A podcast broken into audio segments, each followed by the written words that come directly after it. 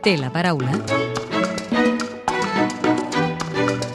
Hola, sóc Alicia Romero, la portaveu del grup parlamentari Socialistes Units per Avançar. Per què el PSC donarà suport a la proposició de llei del català i no al decret que el govern ha aprovat aquesta mateixa setmana? El decret no es basa en la llei? No, el decret, per desgràcia, no es basa en la llei. Ens va costar molt arribar al primer acord del 24 de març. Eh, després es va trencar, però el van poder recomposar després de molts esforços. I la llei el que estableix és un nou marc que actualitza eh, doncs, eh, l'ensenyament i l'ús eh, curricular de les llengües oficials a les aules, eh, actualitzar-lo perquè es veu que el país ha canviat molt en els darrers eh, 40 anys i el que fem és, evidentment, marcar el català com a centre de gravetat del sistema educatiu, però el castellà com a llengua d'aprenentatge. No? I, I aquest era un, un element per nosaltres molt important. Això s'incorpora a la llei com el, com el primer text del 24 de març, però no així en el decret llei. Quan vam parlar ja des del mes de febrer i març amb el govern, vam demanar que el decret llei fos coherent amb la llei, tenia tot el sentit, ens van dir que sí, però finalment el govern doncs, eh, s'ha doncs, despenjat d'aquest compromís i no incorpora el castellà com a llengua d'aprenentatge i a més a més eh, diem, desobeeix eh, d'una manera doncs, eh, rotunda la sentència perquè parla de l'inaplicació de percentatges i paràmetres numèrics que per nosaltres doncs, no és eh, escaient, és a dir, les sentències són opinables, ens poden agradar o no, però s'han de complir. I per tant fer un decret llei per desobeir ens sembla doncs, que no pertoca a un govern eh, que a més a més ho és en tant que hi ha unes lleis no, que li otorguen aquesta, aquesta legitimitat. No? Per tant, bàsicament nosaltres recolzarem la llei perquè estem convençuts que és molt millor, que actualitza el sistema i el coneixement de les nostres llengües, però no el decret llei, que a més a més em sembla que no resol el problema que tenim en aquests moments sobre la taula, que tenen els centres l'aplicació d'una sentència que és d'obligat compliment i que creiem que no els hi genera ni seguretat jurídica ni certeses. La proposició de llei que vostès donaran suport diu que l'ensenyament de les llengües es farà d'acord amb criteris pedagògics i també tenint en compte la situació sociolingüística de cada centre educatiu. Això no és una manera també de rebutjar els percentatges en l'ensenyament de les llengües? El Tribunal Constitucional, quan ha parlat de les llengües i en diverses sentències, mai ha posat percentatges, sempre es, es manté en aquesta línia dels criteris eh, pedagògics, per què hi ha una sentència en percentatges? Doncs perquè hi ha hagut un fracàs de la política, és dir, hi ha hagut una no actuació, una inacció del, dels governs de la Generalitat que sabien que havien de posar una resposta sobre la taula, no l'han posat i al final el tribunal, davant dels requeriments no resposos, doncs el que ha fet és acabar posant un percentatge.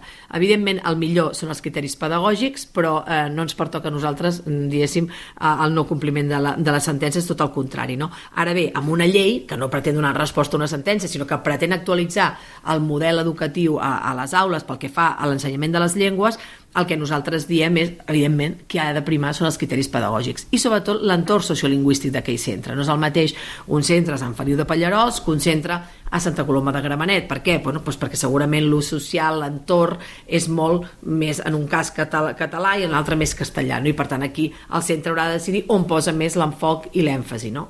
I el que la llei et permet és justament que puguis eh, d'alguna manera vehicular o d'alguna manera equilibrar aquestes, aquestes dues llengües. Creu que les instruccions que ha donat el conseller d'Educació protegeixen jurídicament les direccions dels centres educatius?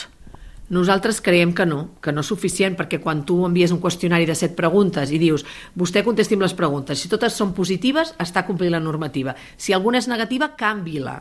I per tant, si no la canvia, què vol dir? Que no està complint la normativa i, per tant, tindrà un problema. O sigui, estàs deixant en els centres la responsabilitat d'adaptar-se a una normativa. Per cert, una normativa que repeteixo que el que ve a dir és que el castellà ha de ser llengua curricular.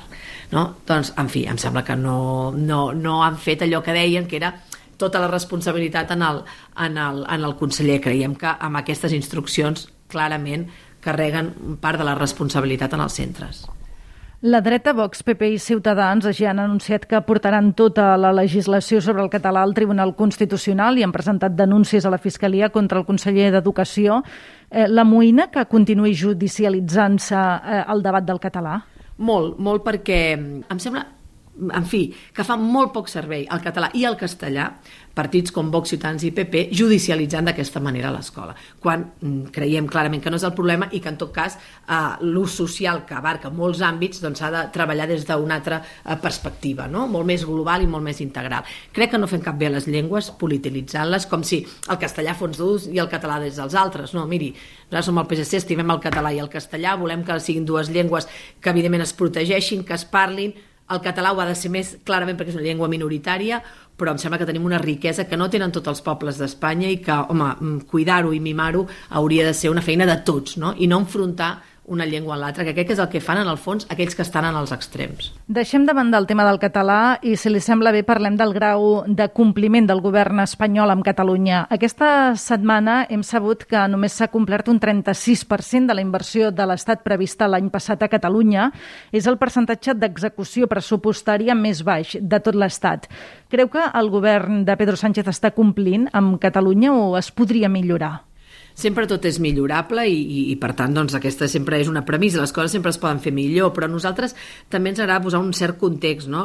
Pedro Sánchez va aprovar, el govern d'Espanya ha aprovat un pressupost pel 2022 que té una inversió per Catalunya de 2.430 milions, la més alta de les comunitats eh, autònomes, comparat amb l'últim pressupost del Partit Popular, eh, doble quasi bé la xifra, perquè l'últim del Partit Popular va ser de 1.400, és a dir, hi ha una voluntat clara de complir amb les inversions a Catalunya, de, de, de les infraestructures amb Catalunya, hi ha també pagaments de deutes pendents a la disposició addicional tercera en aquests recursos, per tant, hi ha una voluntat clara, però no només una voluntat, sinó que en els pressupostos això ha quedat aprovat i, per tant, negre sobre blanc. Uh, L'altra cosa és com executem uh, les inversions. No? A vegades són inversions uh, costoses, complexes, que potser s'adjudiquen però no s'acaben i per tant no computen com executades en aquell pressupost i per tant doncs, hem d'analitzar una a una uh, això. No? També ja que s'ha fet molt la comparació amb Madrid i val a dir que a Madrid, per exemple, en aquest còmput doncs, hi ha els 200 milions del rescat de les autopistes o inversions que es fan al CSIC, que és el centre, diguéssim, neuràlgic no? del centre d'investigacions que aquest 2021 ha tingut una inversió molt forta pel Covid, però que també afecta a, a altres centres d'Espanya. Per tant, també hauríem d'entrar de, una mica al detall. No? Ja sé que el, el traç gruixut eh, no, no, no agrada, però crec que quan entrem una mica al detall podem veure doncs, això, com hi ha una, una aposta clara per Catalunya, per les inversions, amb unes xifres molt altes. Aquest primer trimestre del 2022 ha superat amb un 60% l'execució a l'any passat. Per tant, el que hem de preveure és que aquesta, aquest any la inversió serà, l'execució d'infraestructura serà molt més alta creiem que és el camí evidentment que hem de, que hem de recórrer i des del PC doncs, també intentarem ajudar i vetllar perquè, perquè això sigui així. Entrem, si li sembla, en el terreny ara més personal i li demano si pot contestar amb respostes al màxim de breu possibles. Digui'm dos adjectius que millor la defineixin. Empatia i generositat. Quina injustícia social l'enerva més? La violència masclista, la violència contra els infants, la guerra, Quin diputat o diputada ideologia a banda fitxaria per al PSC? D'un altre partit, entenc, no? El David Cid. Quina llei li agradaria que aprovés el Parlament aquesta legislatura? M'agradaria que el Parlament aprovés una llei de la ciència i la innovació de veritat, una llei que reforcés el nostre sistema de coneixement, que ha de tenir clarament una transferència en el teixit econòmic per ser més competitius i més atractius. Si mai deixés la política, què es dedicaria? És evident que m'agradaria segurament més en l'àmbit del coneixement, que és el que m'he dedicat en els darrers, en els molts darrers anys, però, però vaja, en fi, jo crec que al final eh, la feina també és feina i t'ha d'agradar, però la vida són moltes altres coses i per tant tampoc cal focalitzar-ho tot en, en l'àmbit professional.